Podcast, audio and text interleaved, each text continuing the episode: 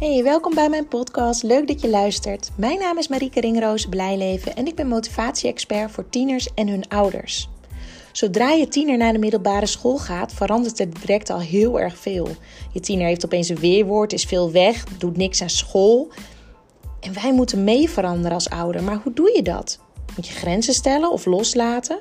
We hebben het idee dat hij zoveel meer kan, maar niks doet. School lijkt hem gewoon niet te boeien. Elke dag ruzie over huiswerk en dan dat uitstelgedrag. Wat moet je ermee? En al die strijd, kan dat ook anders? Het antwoord is ja. In deze podcast deel ik praktische informatie over het opvoeden van je tiener en omgaan met hun motivatieproblematiek. Handvatten, inspiratie, tips en tools om meer positiviteit, rust, ontspanning en gezelligheid te ervaren binnen het gezin. Want dat willen we toch allemaal? Ben je er klaar voor? Let's go!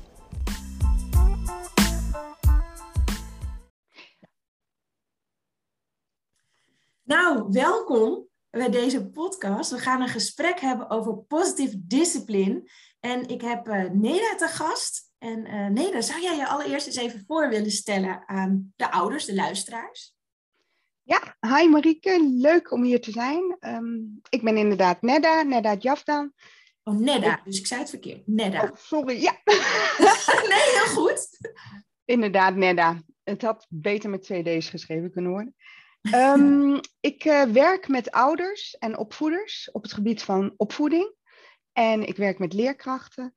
Um, en ik geef ook nog eens de trainingen in positieve discipline. Dus andere mensen die ook met positieve discipline willen gaan werken, daar geef ik uh, opleidingen aan. Um, bovendien heb ik ook nog een uitgeverij opgericht om de positieve discipline boeken in het Nederlands uh, beschikbaar te kunnen maken. Dus ik ben uh, druk, ja. maar erg leuk. Ja. ja. Wat kan ik over mezelf vertellen? Ik woon in Limburg, in Elslo, boven Maastricht. Uh, zo'n 14 kilometer en het is hier prachtig. We hebben altijd beter weer dan in de rest van Nederland. Ik kom oorspronkelijk uit Delft, ben in Delft geboren, heb in Utrecht gestudeerd. En in het begin was het wel een dingetje naar Limburg verhuizen. Maar uh, inmiddels, heel, ja, we wonen al 30 jaar hier, dus uh, gezetteld en heel gelukkig. Twee kinderen. Mijn zoon is 23, die studeert in Tilburg op het moment. En mijn dochter is 21 en die studeert in Utrecht. En um, ja, dat uh, opvoeden was wel een dingetje. Ik kom zelf uit een heel fijn gezin. Mijn ouders zijn super lief en um, ik heb me altijd uh, gesteund gevoeld door hen. En um, ja, de strubbelingen hadden we natuurlijk wel, hè? vooral in de puberteit. Nee, dat herken je wel. um, maar over het algemeen erg fijn en gelukkig uh, jeugd gehad. Toen ik zelf kinderen kreeg, dacht ik dus heel goed te weten hoe alles moest nou ja, dat was wel een dingetje. ik kom oorspronkelijk uit de IT, maar via een vriendin um, op het spoor gekomen van Adler, Adriaanse psychologie, uh, opleidingen daarin gevolgd. En op een gegeven moment in 2014 zei diezelfde vriendin, we moeten naar Londen, we moeten naar Jane Nelson, want die doet positive discipline. En ik werkte op dat moment bij KPN en ik had zoiets van, ja, daar heb ik helemaal geen tijd voor. In de IT, hè. ik denk, ja, weet je, ik doe het er allemaal een beetje bij. Ik heb geen tijd om naar Londen te gaan. Maar ze bleef gelukkig aandringen. En dat was eigenlijk de allerbeste beslissing uh, die ik heb gemaakt op dat moment. Hè. Mijn zoon was toen uh, 15. En um, ja, midden in de puberteit natuurlijk. Maar ook alle strubbelingen van daarvoor. En ik, het is echt, zij zei, dit is goud, Nedda. We moeten daar echt heen. En um, ik ben het helemaal hardgrondig met haar eens. Positive discipline is heel praktisch. En heel, uh, heel goed gestoeld op die Adleriaanse psychologie, die, nou daar zullen we het straks nog over hebben, die een heel mooi mensbeeld heeft. Uh, eentje waar ik helemaal achter sta en um, waar mensen echt wat mee kunnen. En die combi met dat praktische, nou dat is natuurlijk geweldig, dat, hè, dat herken jij ook. We willen gewoon antwoorden, we willen weten hoe moet dat dan, weet je. Theorie is heel erg leuk, kunt honderd boeken lezen, maar in het leven gaat het niet om die theorie in je hoofd te hebben. Je moet het kunnen omzetten naar de praktijk. En dat, dat is denk ik de grote kracht van positieve discipline. Ja, wauw. Wat mooi, ja. En ook inderdaad dat je zegt met 15 jaar hè, van je zoon, de piek van de puberteit.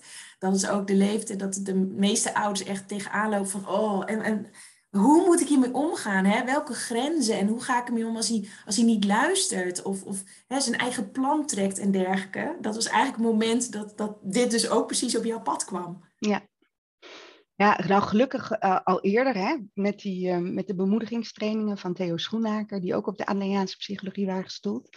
En waarin ik ook heel veel herkende van wat mijn moeder uh, vroeger, hoe mijn moeder vroeger met ons omging. Um, ja. Ja, soms denk je, hè, komt dit ooit nog goed? jij bent, je bent de puberteit al er doorheen, zeg maar. Met en het komt goed, jongens. Ja, maar dat kan je tegen de ouders zeggen die er nog middenin zitten. Nee, het komt helemaal goed. Wat ik, en dat merk ik gewoon in alle gesprekken met ouders, is dat, uh, weet je, ouders willen het beste voor hun kinderen. We, zijn, we doen het beste wat we kunnen met de middelen die we hebben. Ook onze ouders hè, vroeger, die, die hebben gewoon gedaan het beste wat ze konden. Alleen, uh, het is fijn om te ontdekken dat je nog zoveel meer kunt als je, uh, als je je er een stukje in verdiept, als je gaat nadenken over waarom voed ik eigenlijk op, wat is dat hele opvoeden eigenlijk? Um, en dat dat dus niet is, jij moet doen wat ik zeg omdat ik het zeg. Nou ja, dat werkt al niet bij een vierjarige, zeg maar. Dus dat werkt helemaal niet meer in de puberteit. Alleen heel soms hebben we in onze stress, in onze angst, weet je, door dingen die gebeuren, hebben we op dat moment alleen maar dat tot onze beschikking. En dat werkt dan niet. En dan kun je zo diep uh, zo diep raken dat je denkt van het komt nooit meer goed. En het is heel fijn om te weten dat het wel weer goed komt. dus ja, dat. Ja, wat, wat zou je tegen die ouders kunnen zeggen qua, qua tips of iets dergelijks? Um, hè, want natuurlijk, het, het komt goed. Maar ze zitten er nu middenin en dat kan heel frustrerend zijn. Hè? En, en nou ja, dat zullen we allebei herkennen we dat denk ik ook wel. Dat je uit onmacht soms wil straffen, dingen wil afpakken, dingen ontnemen, omdat ze proberen op allerlei manieren contact te krijgen met een tiener. Ik hoor ook steeds meer ouders die hebben, zeggen, nou ja, ik heb dingen gezegd die ik echt nooit tegen mijn tiener had moeten zeggen, maar ik wist het gewoon niet meer. En dan voelen ze zich heel erg schuldig. Ja. Kan je daar iets over zeggen, wat, dat, wat dat is en, en wat we daarmee kunnen? Ja, uh, allereerst is het heel belangrijk om eerst eens na te gaan we weten natuurlijk heel erg goed wat dat gedrag is waar we uh, niet blij van worden. Um, hè, inderdaad, wat je, wat je al noemt, hè, eh, gamen, schermtijd, uh, rondhangen, te laat thuiskomen, huiswerk niet maken. En dan is het natuurlijk heel goed om te realiseren dat tieners hele andere prioriteiten hebben dan wij. Dat is ook waarom het niet werkt als wij zeggen wat er moet gebeuren. Um, eh, heel eventjes een pas op de plaats te maken en te bedenken van, goh, wat is mijn doel met mijn opvoeding? Wat is mijn rode stip op de horizon? Wat wil ik bereiken? Wat zijn dingen die voor mij belangrijk zijn? Wat zou ik graag willen als mijn kind straks een jaar of 25 is en die komt op de koffie en die zegt, mam, pap, ik kom gezellig bij jullie op de koffie. Die belt aan, wat voor persoon hoop je daar te zien? Wat, wat is voor jou belangrijk? Wat zou je hem gunnen, hem of haar gunnen? Wil je dat. Uh, enthousiasme heeft, dat hij uh, blij is, dat hij zelfvertrouwen heeft, dat zij uh, een stukje. Uh, ja, dat is een stukje.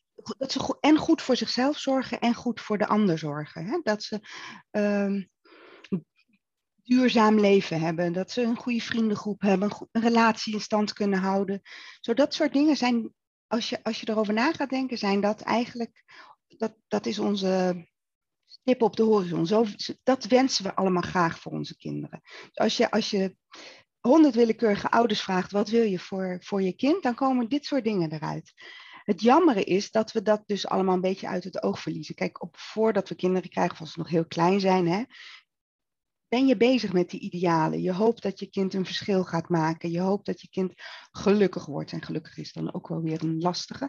Maar goed, je hoopt dat, dat, en je hoopt van alles voor je kind. Als het moeilijker wordt, raakt dat allemaal steeds meer naar de achtergrond. Dus dan is het heel belangrijk om je dat weer opnieuw te realiseren. En te bedenken hoe kan ik situaties waar ik me nu in bevind met mijn kind gebruiken om juist die eigenschappen en die vaardigheden te helpen ontwikkelen. Dat is één. Aan de andere kant realiseer je ook heel goed um, helpt, je, helpt het je om te realiseren dat je kind dus nu in een bepaalde levensfase zit. Hè? Dat noemen ze het individuatieproces. Het komt los van jou. Jij bent niet meer de belangrijkste in zijn leven. Ehm, heel belangrijk worden uh, peers, hè? dus gelijke uh, kinderen om, om hem, hem of haar heen, uh, op school, bij de voetbalclub, overal. Dus de mening van die anderen wordt steeds belangrijker voor je kind. Aan de andere kant zijn ze nog wel kind, dus ze hebben jou nog wel heel hard nodig. Dus het is heel belangrijk dat je, um, ja, net zoals dat je ze moest loslaten als ze opgroeiden op de basisschool, is het nu belangrijk dat je ze uh, steeds meer en meer loslaat. En aan de andere kant wel uh, er blijft zijn als, als die rots, als degene wie ze terug kunnen vallen. En daarin is bijvoorbeeld het maken van afspraken heel erg belangrijk. En dan ook je meteen realiseren dat welke afspraak je ook maakt, je tiener uh, dat geheid zal vergeten en niet zal uitvoeren. Dus dan is het weer goed om door te pakken. Nou, zullen we het straks misschien nog over hebben, hoe je dat dan doet. Want je tiener heeft jou nog wel heel hard nodig. Hij of zij roept wel heel hard dat je niet uh, oké bent. En nou ja, wie weet wat ze allemaal tegen uh, ons zeggen. Maar goed, um, ja, ze hebben ons wel heel hard nodig om, om toch nog een stukje te begeleiden, om de weg te wijzen, om op je standpunt te blijven staan. Op het moment, kijk, als je kind iets doet waar je niet achter staat, dan blijft het toch je kind. Hè? Onvoorwaardelijk hou je van hem of haar. Dat noemen we binnen die psychologie de AZEL. Jij bent er voor je kind. Worst case scenario, iemand belandt in de gevangenis, wat dan ook het blijft toch jouw kind. Dus je houdt van hem of haar onvoorwaardelijk, wat er ook gebeurt. Het is alleen die B-zuil, dat gedrag waar we last van hebben en waar we ook wat mee kunnen en soms ook moeten. Dus als je kind iets doet waar je niet achter staat, vindt je kind het helemaal niet erg om te merken dat jij daar niet achter staat. Het gaat alleen om de manier uh, waarop je dat uit en hoe, hoe je daarover in gesprek gaat. Komen we te, ja, ik kan wel uren door blijven praten. Nou, heel graag. dit is hartstikke mooi. Ik denk dat ouders dit ook interessant vinden. Want ik denk direct, nou vertel maar direct, hoe moet, wat moeten we wel doen, wat moeten we niet doen bij deze situatie? Ja, nou wat heel belangrijk is, is hoe je uh, communiceert met je tiener.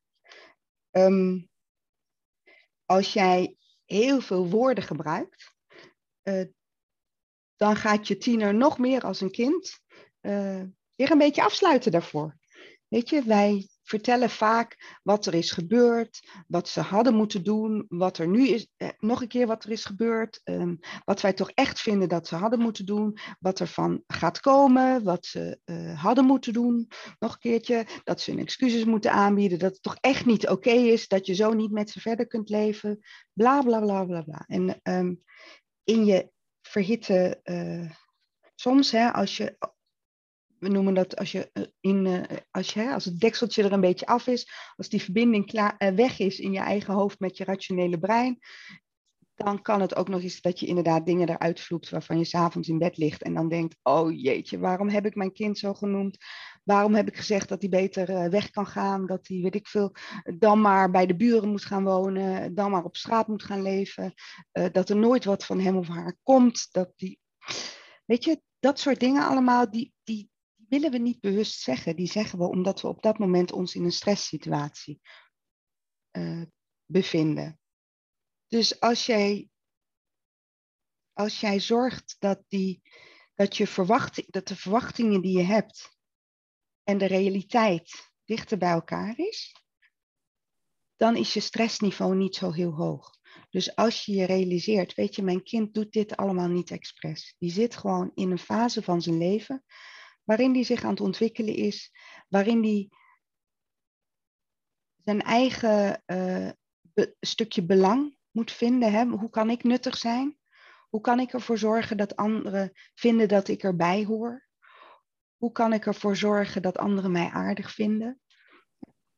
Een puber staat wat dat. Hij, hij, hij of zij is geen kind meer, dus die, uh, dat onbevangene is eraf realiseert zich echt wel wat er in de wereld gebeurt, maakt zich daar ook vaak hele grote zorgen over. Hè?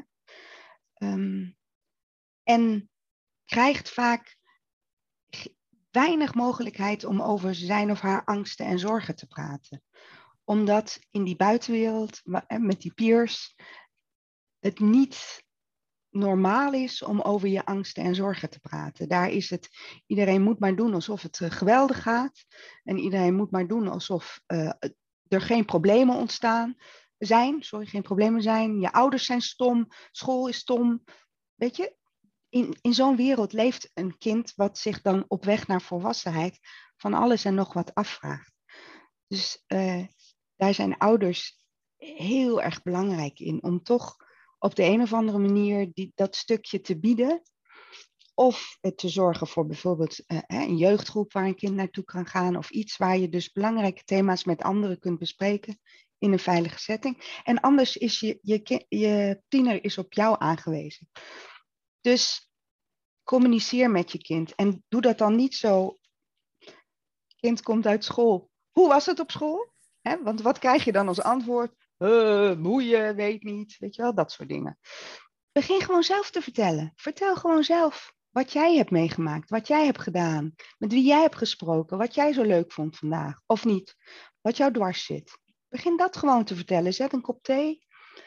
Um, weet je, als je allemaal druk uit, uit, school, uit werk, uit uh, alles thuis komt en het is eigenlijk tijd om meteen aan tafel te gaan, ga dan eerst even rustig zitten met een kop thee. Dat je tien minuten later eet is helemaal geen probleem. Zorg even voor een stukje verbinding. Zorg ervoor dat je kinderen voelen dat ze bij jou horen. Dat, dat je blij bent om ze te zien. Hè? Begin in je ogen te stralen als ze binnenkomen. Zorg ervoor dat ze zich gehoord voelen. En ga, ga gewoon even zitten. Neem gewoon even een paar minuten de tijd. Vertel gewoon zelf iets. En wees dan gewoon stil en geniet zichtbaar van je kind. Gewoon zonder woorden. En dan zul je merken dat je kind langzaamaan ook opener wordt en gaat vertellen uit zichzelf, zonder dat jij wat dan ook hebt hoeven vragen. Ehm, dat is natuurlijk hè, als er niet, geen stress is. Als er wel stress is, heb je natuurlijk bijvoorbeeld hè, kamer opruimen, urenlang gamen en alles. Um, ik wil je daar naartoe? Wil je nog dat vier over dit? Nee maar ik vind, ik vind het helemaal goed wat je, wat je vertelt. Helemaal mooi en, en heel helder. En Ehm, eigenlijk zeg je ook van ja, als jij de rust voelt als ouder en de ruimte uh, zelf ook neemt, geef je hem eigenlijk daardoor ook weer daarna aan je kind. Hè, door ook af, op de duur je mond te houden natuurlijk, dat je kind ook kan vertellen. Ja. Uh, en dat zorgt eigenlijk voor het stukje verbinding met elkaar. En wat bij mij in mijn hoofd opkomt van ja, ik hoor tieners vaak klagen. Als we aan tafel gaan, ja, dan schiet ik al in de stress. Want ik weet gewoon, mijn ouders beginnen over school. En als je het ouders vraagt, zeg ja, maar dat is het enige moment dat we met elkaar zijn. Hè? Wat je zegt, uh, werk, school, bijbaantjes, sport enzovoort. Dus ik vind het heel mooi wat je zegt. Dit is eigenlijk ook voor die gezinnen die dat herkennen, een hele mooie. Eerst eventjes met z'n allen een kop thee bijvoorbeeld, voordat je gaat eten. En dan kan je tijdens het eten juist over hè, ontspannende dingen. En trouwens, die tien minuten daarvoor hoeft ook niet over school te gaan. Um, Nee, bij voorkeur niet, inderdaad. Nee, het is, het is denk ik, zoals ik er zelf naar kijk, ook een stukje ehm, toch nog controle willen hebben of houden van ouders. je kind gaat naar de middelbare school, je, je kent de vrienden niet allemaal meer. De wereld wordt letterlijk en figuurlijk dus groter van je kind. Uh, je bent er niet altijd meer bij. En dus ook een stukje vertrouwen hebben in, in wat je je kind al hebt meegegeven. Um, ja. En dat, dat ze dus bij je, terecht, bij je terecht kunnen als er wat is. Dus die dingen gaan even door me heen terwijl je dit vertelt. Dan denk ik, ja, dit, ik weet zeker dat het heel herkenbaar is dat die rust soms weg is. Ja. En dat het heel mooi is om daar bewust van te zijn, om die, dat is de basis misschien wel. Ja, In, uh, ja. de basis is tijd nemen voor elkaar. Ja. En um, inderdaad eten, hè, in veel gezinnen is het gewoon om gewoon samen met z'n allen te eten. Dus dat is een heel mooi moment. En het hoeft ook niet elke dag. In België, ik heb vaak uh, ook ja, mensen uit Vlaanderen in de cursussen. Wat ze daar doen, dat vind ik zo mooi. Ze noemen dat aperitieven. We hebben dat natuurlijk ook wel hè, hier. Maar dat aperitieven, uh, wat olijfjes op tafel, wat te knabbelen. Gewoon voordat je gaat eten, even rustig, gezellig, kaarsje aan zorgen dat je uitstraalt van, goh, ik ben blij met jou, ik ben blij met ons, ik ben blij met ons gezin. En alle dingen die er gebeuren, weet je, daar hebben we allemaal last van. Alleen, um, we zijn er ook voor elkaar. Buiten dit is het ook goed om met tieners, als je kunt, één keer in de week, één keer in de twee, drie weken, één keer in de maand, als het niet anders kan, gewoon even wat speciale tijd in te plannen. Een momentje waar je beide naar uitkijkt, eh, waar je echt even één op één iets gaat doen. En dan kijk je natuurlijk naar de interesses van je tiener, misschien je eigen interesses. Gewoon jullie speciale moment. En dat hoeft niet lang te duren. Dat kan een uurtje zijn of een half uur of een halve dag. Maakt niet uit. Maar iets waarvan je weet dat jouw tiener het eigenlijk onweerstaanbaar vindt. Omdat, uh, ja, wat jij zegt, hè, het leven is zo hectisch. En um, onze kinderen kunnen op een gegeven moment het idee gaan krijgen dat hun cijfers en hun prestaties belangrijker zijn dan dat zij zelf zijn. En dat is heel erg jammer. Want als zij dat gevoel krijgen, hè, die gedachten in hun hoofd gaan spelen, dan vormen ze zich bepaalde overtuigingen. Ik ben dus niet belangrijk genoeg. Mijn ouders willen alleen maar naar de buitenwereld kunnen laten zien dat we het goed doen.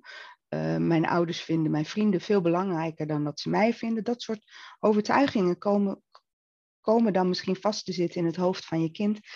En die overtuigingen helpen, helpen niet om dat gedrag uh, ja, positief te houden. Dus dat is waarom het belangrijk is om speciale tijd in te plannen, om er echt even te zijn voor je kind op het moment dat hij of zij je nodig heeft. Omdat dat zorgt voor versterkingen van ander soort gedachten. Namelijk, ik ben belangrijk, ik hoor erbij. Mijn ouders vinden mij aardig.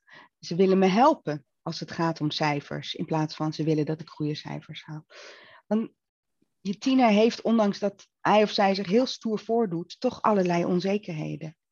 En die krijg je niet boven water als je inderdaad degene bent die de controle wil hebben en wil zorgen dat je kind het doet zoals jij denkt dat het moet.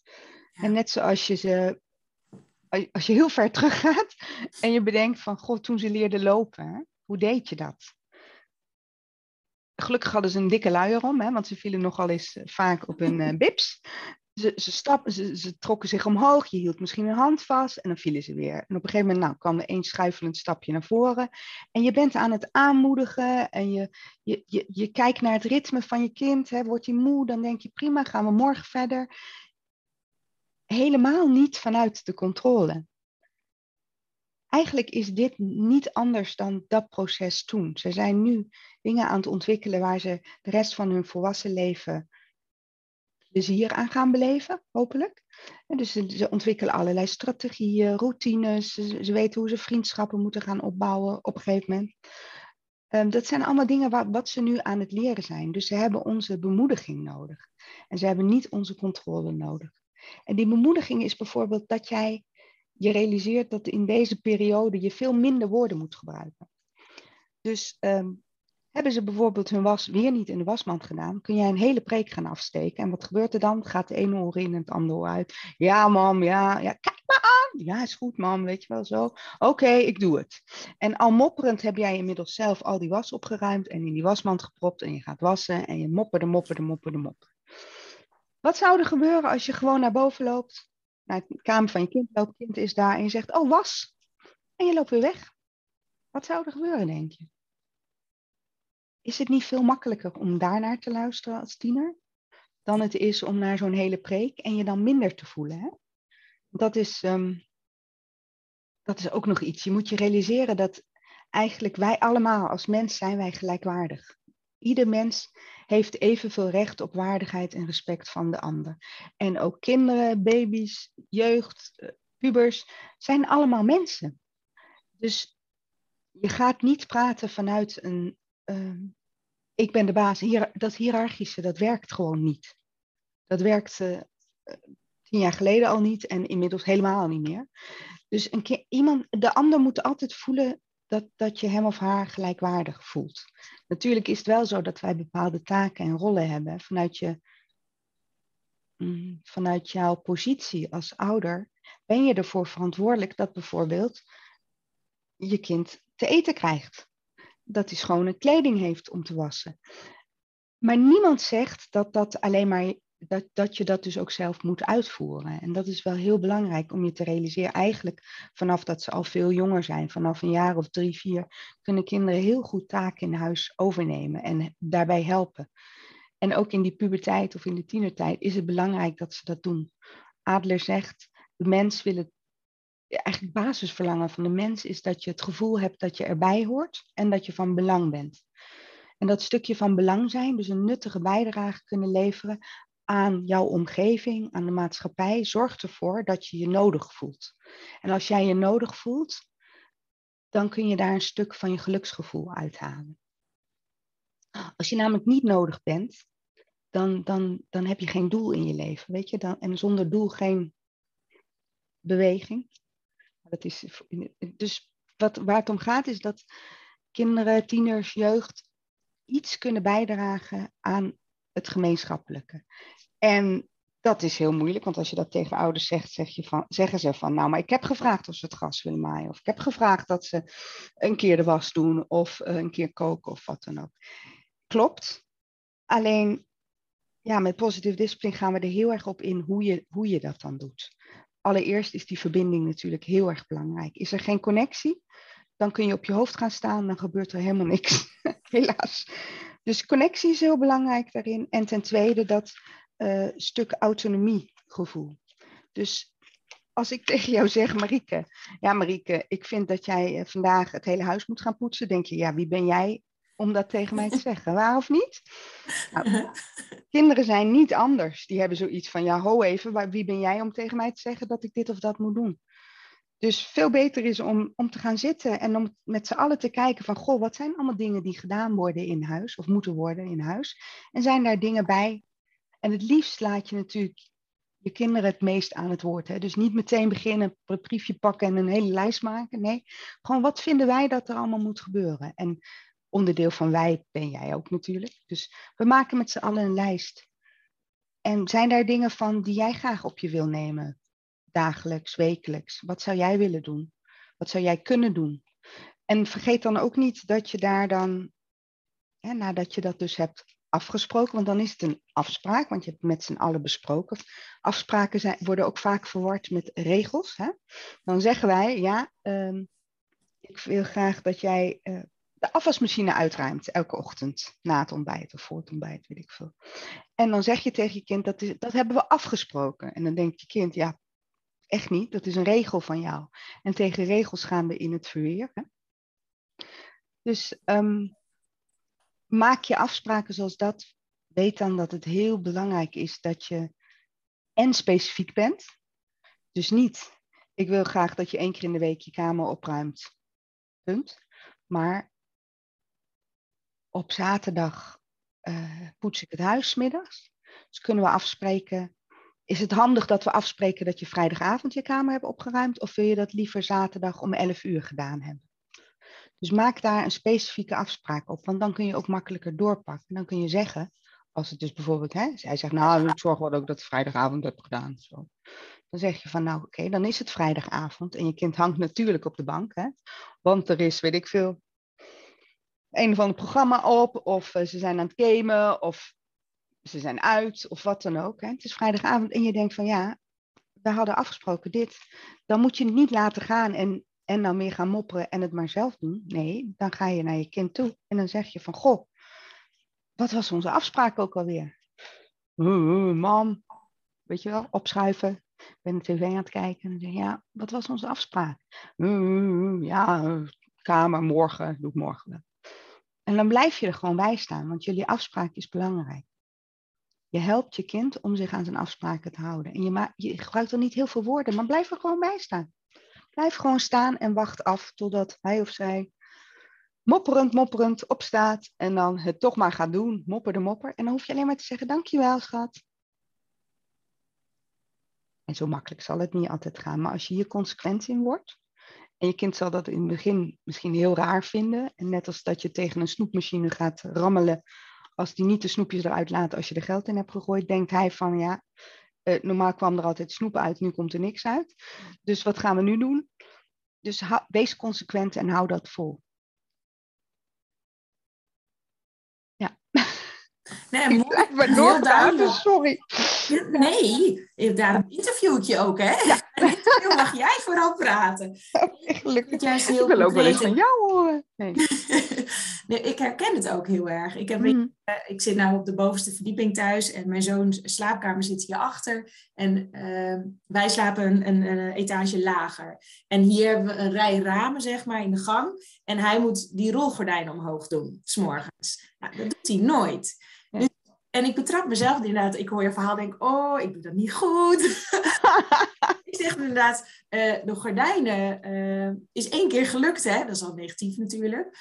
Hij zei, ja, ja, ja. Nou, volgens loop ik naar boven en doe ik ze open. Dat vind ik veel makkelijker en sneller. Terwijl, denk ik, het is iets heel kleins, maar gewoon om het principe dat hij ook iets mag doen. Hè? En, maar dit heb ik hem inderdaad opgedragen, want het is zijn verdieping, om maar zo te zeggen. Mhm. Ik ga dit direct uittesten of, of toepassen, moet ik eigenlijk zeggen, want ik geloof direct dat het werkt. Uh, om te zeggen, uh, weet je nog, gordijnen, hè? alleen maar dat. Ja. Um, dus ja, er gebeurt bij mij van, van alles in mijn hoofd bij mijn eigen situatie als je dit vertelt. En ik gok dat ouders die dit horen, uh, dat die... Hetzelfde hebben, ja. ja. Marieke, mag ik je wat vragen? Stel, hè, uh, dat, dat is één manier om het aan te pakken. Een andere manier is om een gesprek met, je, met hem te hebben over, uh, over dit gebeuren. Dus wat je dan gaat doen, is je gaat je echt nieuwsgierig opstellen. Want je bent benieuwd wat er nou in zijn hoofd omgaat met betrekking tot dit kleine onderwerp. Hè?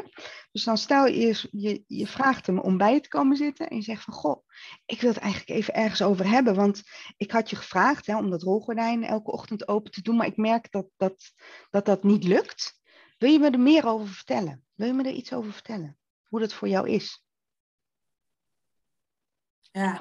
En dan moet je je mond houden en dat is heel moeilijk. Ja, ik denk er niet aan. Ik vergeet het. Want ik heb hier drie mannen in huis, twee zoons. Ja. die hebben alle drie hetzelfde.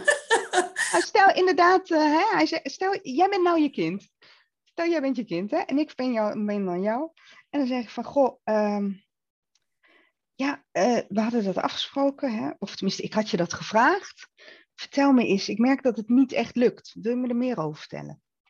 Dan zeg ja, jij ik denk er niet aan. Zegt denk er niet aan, ja. ja. Ja, ik merk inderdaad, hè, want s ochtends. Ik, ik wil je me er meer over vertellen, want ik merk dat je het s ochtends best druk hebt. Klopt dat? Uh, ja, ik hou, ik, ik, hou wel van rustig aandoen. Dus ik mm -hmm. op en dan doe ik wat ik moet doen: douchen, eten en tanden poetsen. En dan wil ik gewoon nog even chillen voordat ik naar school moet. Ja, en eh, stel nou, um, als je wel dat rolgordijn zou doen, op welk moment zou dat dan heel handig zijn om te doen? Voor jou in je ochtendroutine, zeg maar. Als ik uh, net uit bed kom, denk ik, en naar beneden ga om te douchen. Meteen als je uit bed komt, voordat je naar beneden gaat om te douchen. Oké. Ja. Is het iets waarvan je denkt, wat je op den duur wel, um, wat jou wel zou kunnen lukken om dat te doen? Want het zou mij wel helpen, want ik hoef dan niet nog een keer hè, naar boven en naar beneden en jij komt er langs. Daarom had ik ook gedacht dat ik dat aan jou kon vragen. Is het iets waarvan je denkt van, goh, misschien zou het me toch af en toe lukken om dat te doen? Want het zou mij helpen. Ja, zeker wel. Ja? Goed, zullen we dan...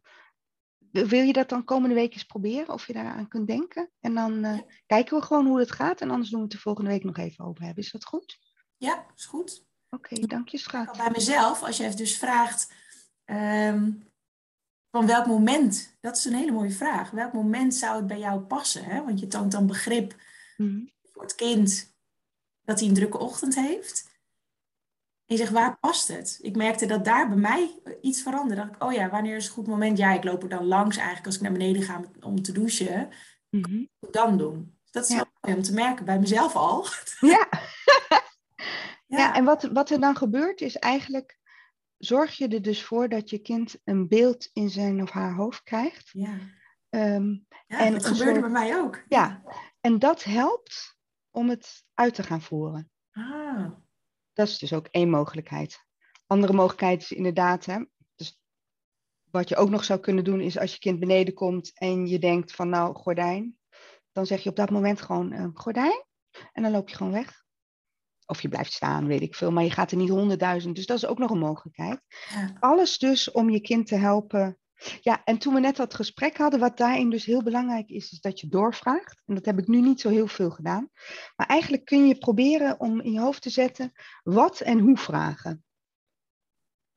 Dus um, inderdaad, hè, wat moet je allemaal doen s ochtends? Is het heel druk voor je? Hoe, hoe zou dat het handigst kunnen? Dus geen waarom vragen, dus niet waarom doe je het niet of waarom zou je het niet op dat of dat moment doen. Want dan ben jij weer degene die de controle overneemt. Ja. Dit is best wel uh, even oefenen. Ja. dat je zo min mogelijk zegt zelf. Probeert alles uit je tiener te laten komen. Dus eigenlijk dat je het, in plaats van dat je antwoorden erin propt, dat je probeert om ze eruit te laten komen. Want wat doet dat namelijk? Als we even teruggaan naar die lijst met wat wil je nou graag voor je kinderen? Dan staat daar ook op dat ze kunnen nadenken. Dat ze zelf hun eigen leven draaiend kunnen houden. Ja.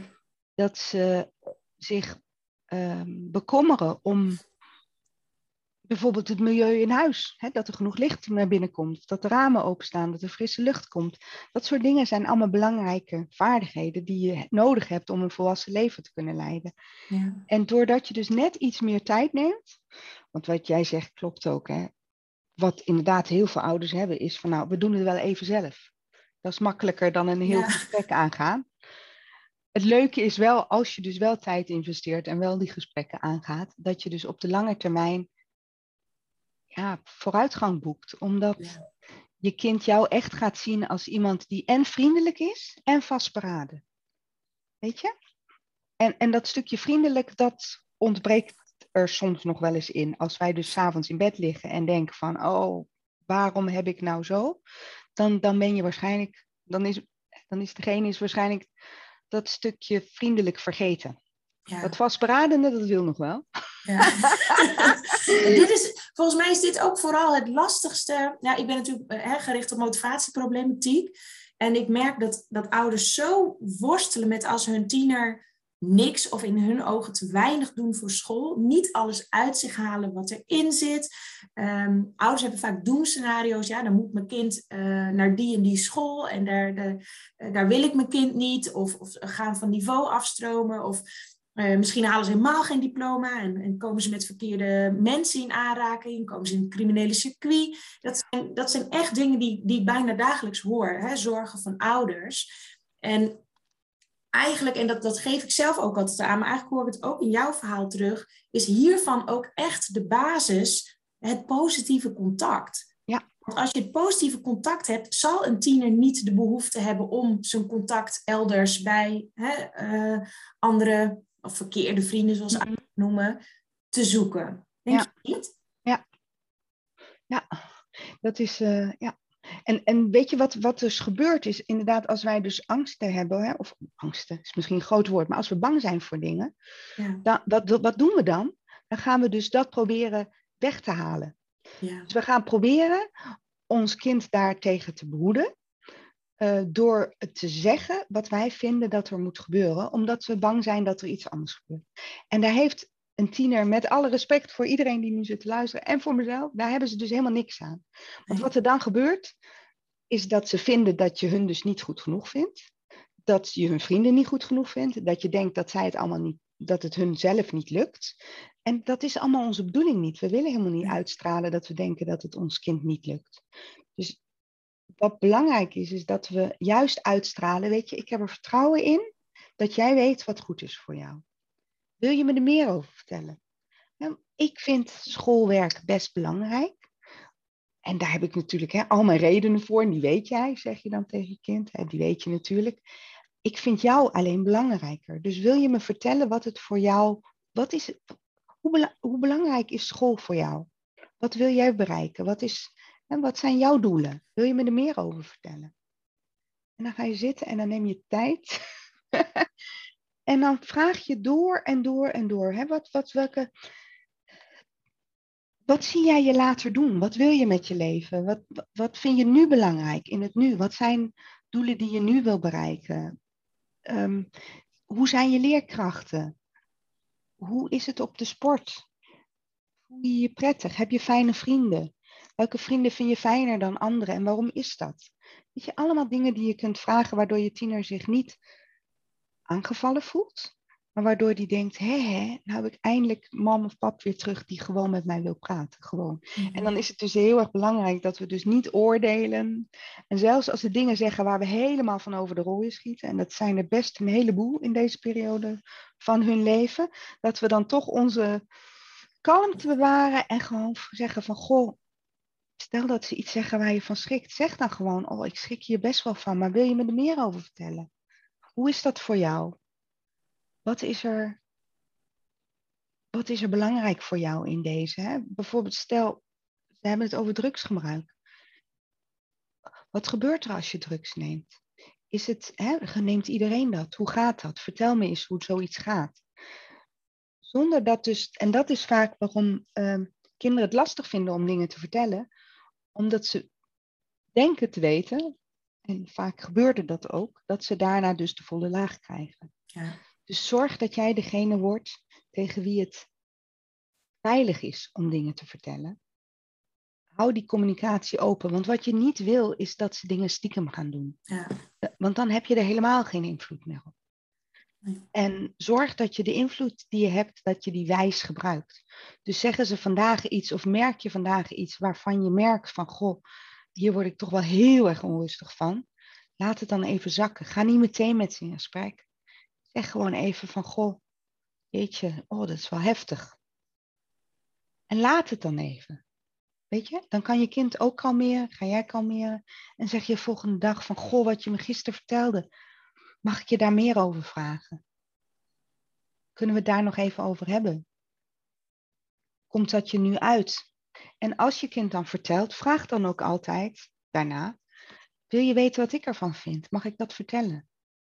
Als, je, als namelijk de ander jouw toestemming geeft om jouw gevoelens, jouw gedachten te uiten, is de kans veel groter dat hij of zij die serieus neemt. Ja. Als wij maar ongevraagd onze adviezen, en dat zijn hele goede adviezen, als we die ongevraagd geven, dan kan het dat, dat de ander denkt van ja, weet je, ik kan hier niks mee. Ik wil hier niet eens iets mee. Zelfs al zou ik er iets, zelfs al is het beste advies van de wereld, dan staat hij of zij er niet voor open. Dus dat is, um, is dat is een hele goede om te realiseren. Ja. Dat je dan eigenlijk, als ik jou goed begrijp, um, van, het bij de tiener laat wat ze ermee doen. Dus vanuit vertrouwen weer het contact hebben en vragen stellen om de tiener te begrijpen en met toestemming van je tiener ook jouw kant en dan het bij je tiener laat wat ze er wel of niet mee doen? Ja, ja alleen um, het is wel belangrijk, zeker als het heftige dingen zijn, dat je dat niet in één gesprek en dan is het klaar.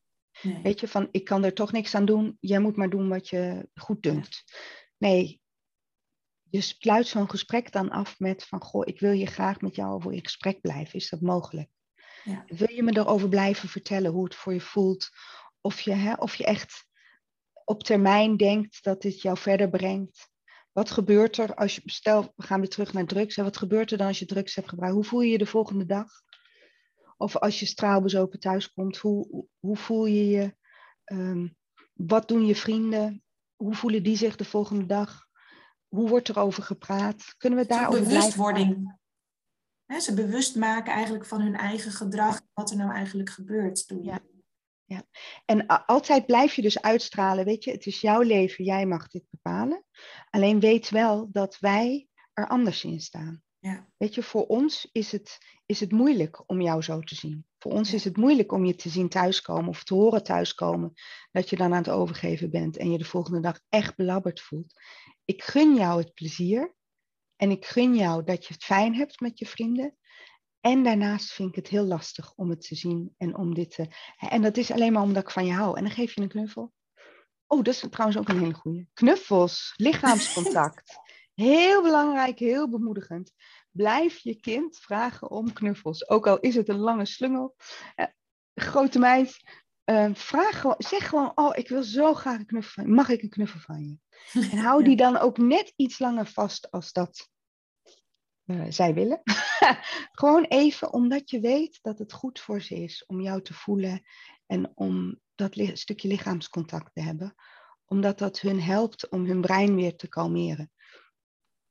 Een, een tienerbrein staat eigenlijk continu aan. Ja. Ja. En en natuurlijk hè, door alle prikkels, alle dingen die. En spelletjes, games, weet ik veel. Allemaal heel erg leuk. En heel fijn voor ze dat ze dat kunnen doen. En dat ze op die manier hun sociale contacten kunnen uitbreiden. En ook nog bepaalde vaardigheden leren. Allemaal heel fijn. Alleen, ja, wij weten ook dat er gewoon ook nog een hele wereld naast bestaat. Gewoon een intermenselijke uh, contacten. En dat is ook belangrijk, dat ze dat blijven voelen. Ja. En weet je, um, tuurlijk, waar we het net over hadden, tuurlijk, je kind mag zelf bepalen wat hij of zij met zijn leven doet. Alleen er zijn wel grenzen. Bijvoorbeeld als we het hebben over drugsgebruik. Hè, en je zou daar, ik sta daar niet achter. Ik weet niet hoe iedereen er staat. Ik vind dat echt heel verschrikkelijk. Dus als mij dat zou zijn overkomen, of met ouders die dat nu gebeurt, dan zeg ik van, weet je, je kunt ook zeggen, ik sta er niet achter. Ik vind dit heel vreselijk en ik hoop dat je ermee stopt. Alleen op het moment, hè, je gebruikt het nu, ik kan niet 24 uur per dag achter je aanlopen. Dat zou voor allebei niet heel gunstig zijn, zeg maar. Dus ik kan, ik kan je, en ik kan jou ook niet meer verbieden, want ik weet dat jij, hè, ik, dus ik wil het wel horen, ik wil met je erover in gesprek blijven, maar weet alsjeblieft dat wij dit niet oké vinden. Ja, en, en als je, want dat drugs, dat is helemaal helder inderdaad. En ze doen het toch wel, hè? En, maar je hoeft het niet goed te keuren. Je kan inderdaad zeggen wat, wat je ervan vindt. Sterker nog, ik denk dat je dat echt moet zeggen ook. Ja. Ehm, en als je dat stukje van school weer terugpakt, hè, dat ze niks voor school doen in de beleving van ouders. Ehm, daar kan je eigenlijk hetzelfde mee omgaan. Hè?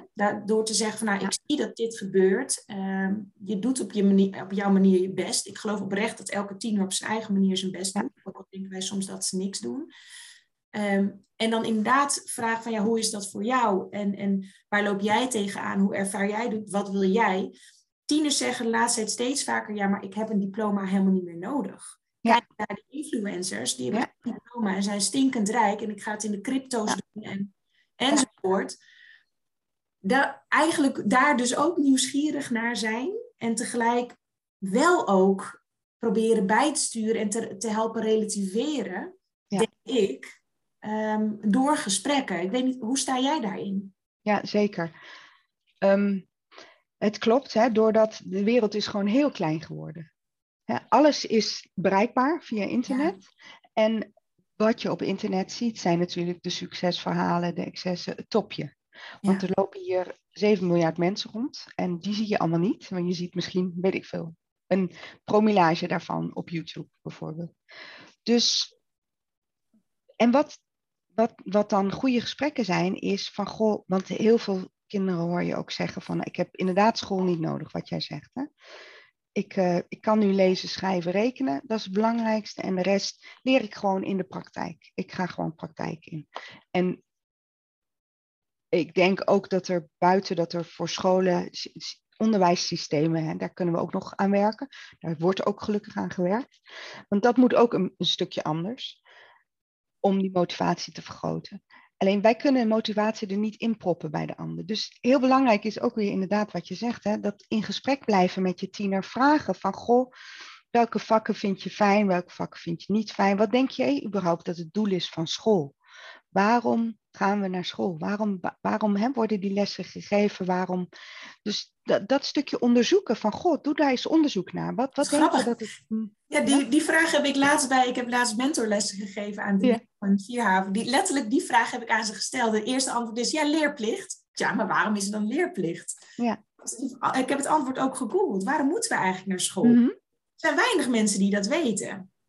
Vertel. Dat is wel heel interessant. Nou, dit is eigenlijk om uh, de basisvaardigheden te leren en, en de, de, um, te weten hoe de maatschappij in elkaar zit en waarom bepaalde dingen uh, gebeuren of zijn gebeurd. En om ervoor te zorgen dat jij goed kan functioneren in de samenleving en in de maatschappij. Dat is eigenlijk wat er qua uitleg staat. Ja, en, en daar, ja, dat, dat klopt. En dan komt er nog een hele belangrijke bij.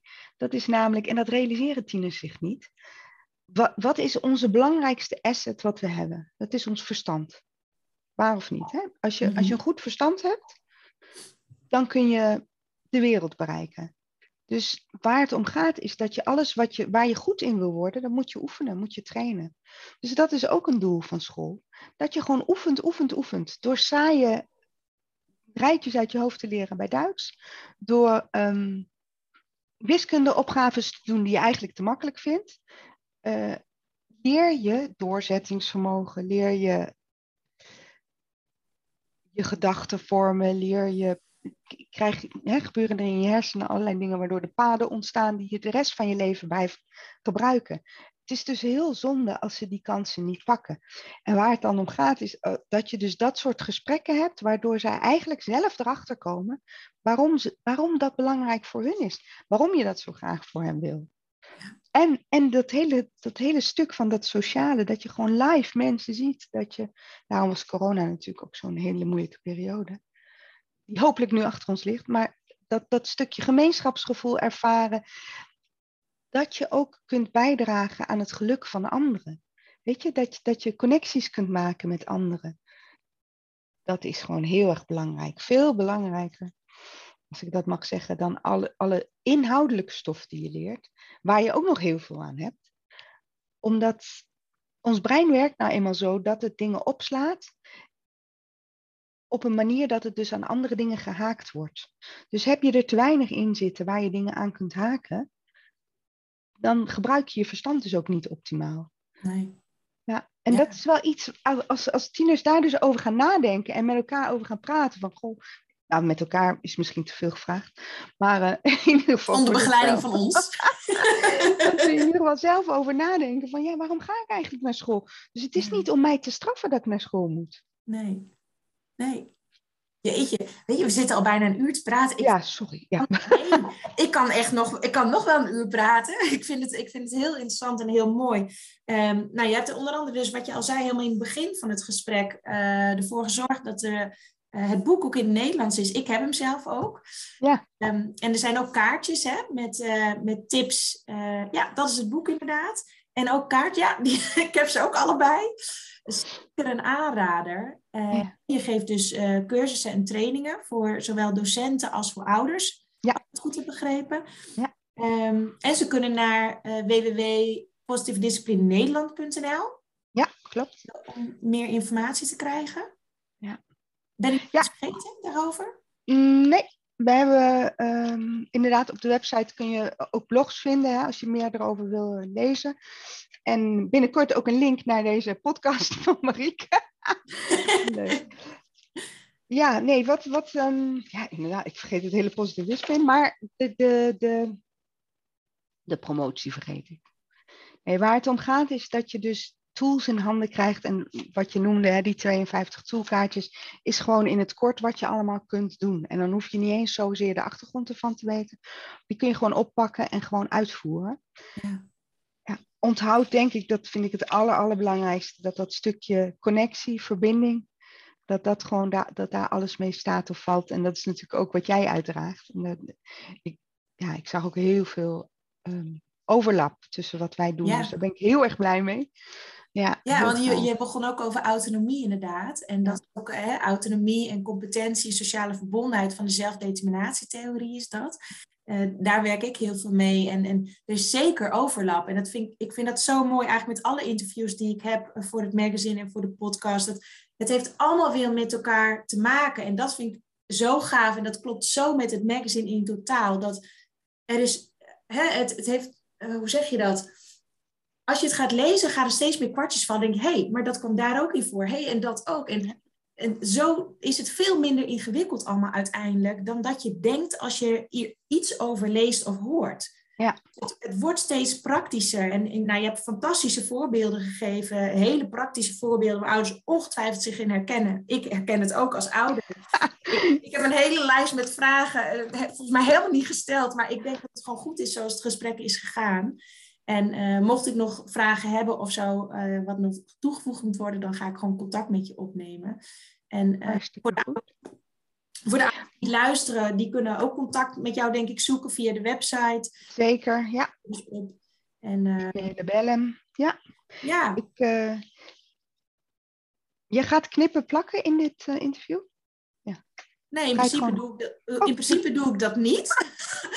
Als je nu iets wilt delen wat, je, wat er niet in mag, ga ik hem gewoon zo stoppen en dan kunnen we nog even doorpraten. Nee hoor, nee, dat is het niet. Maar ik dacht uh, misschien inderdaad over positive discipline nog even. Wat, wat positive discipline dus doet, is dat het eigenlijk ouders bekrachtigt om ja, meer te zijn zoals ze zouden willen zijn. En dat is denk ik um, het hele fijne hieraan. Het gaat er niet om dat we oordelen over elkaar en dat we zeggen, jij doet dit fout of jij doet dat fout.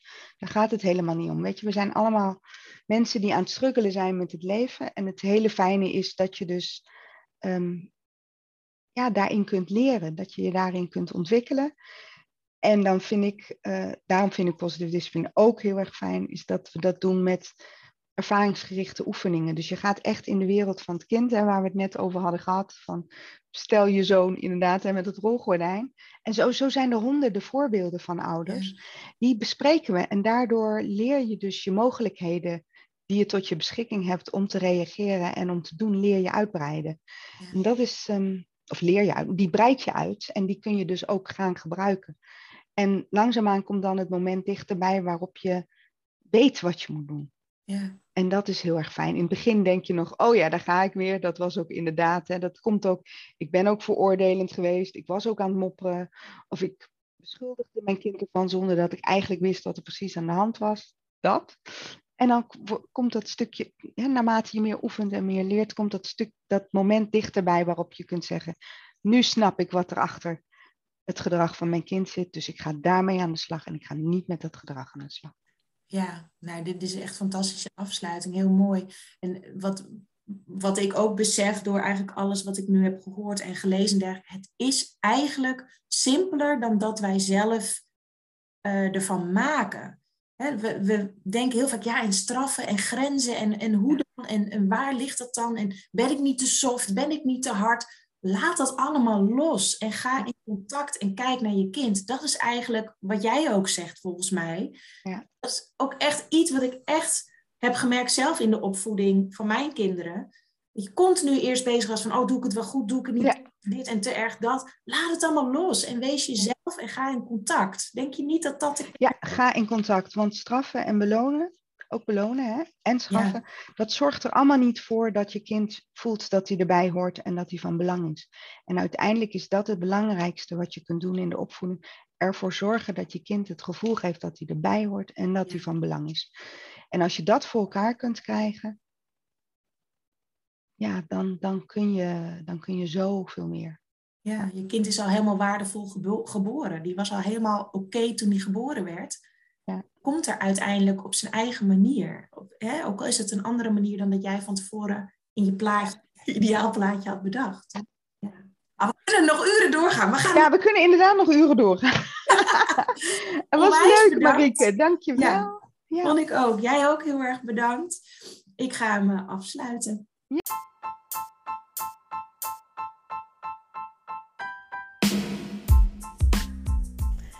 Dit was weer de aflevering van deze podcast. Ik hoop dat je het leuk hebt gevonden, dat je er veel informatie, tips en inspiratie uit hebt kunnen halen. Ik ben ontzettend benieuwd wat jij van deze podcast vond en wat je eruit hebt gehaald. Want ik neem ze op, maar ik wil heel graag weten hoe het is voor jou als luisteraar om dit allemaal te horen. Wil je mij dat laten weten via een persoonlijk berichtje? Dan vind ik dat hartstikke leuk. Wil je andere ouders motiveren, stimuleren?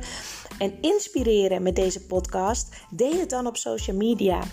En wil je mij contacten? Dat kan via www.coachpraktijkblijleven.nl. En wie weet spreken we elkaar snel. Fijne dag!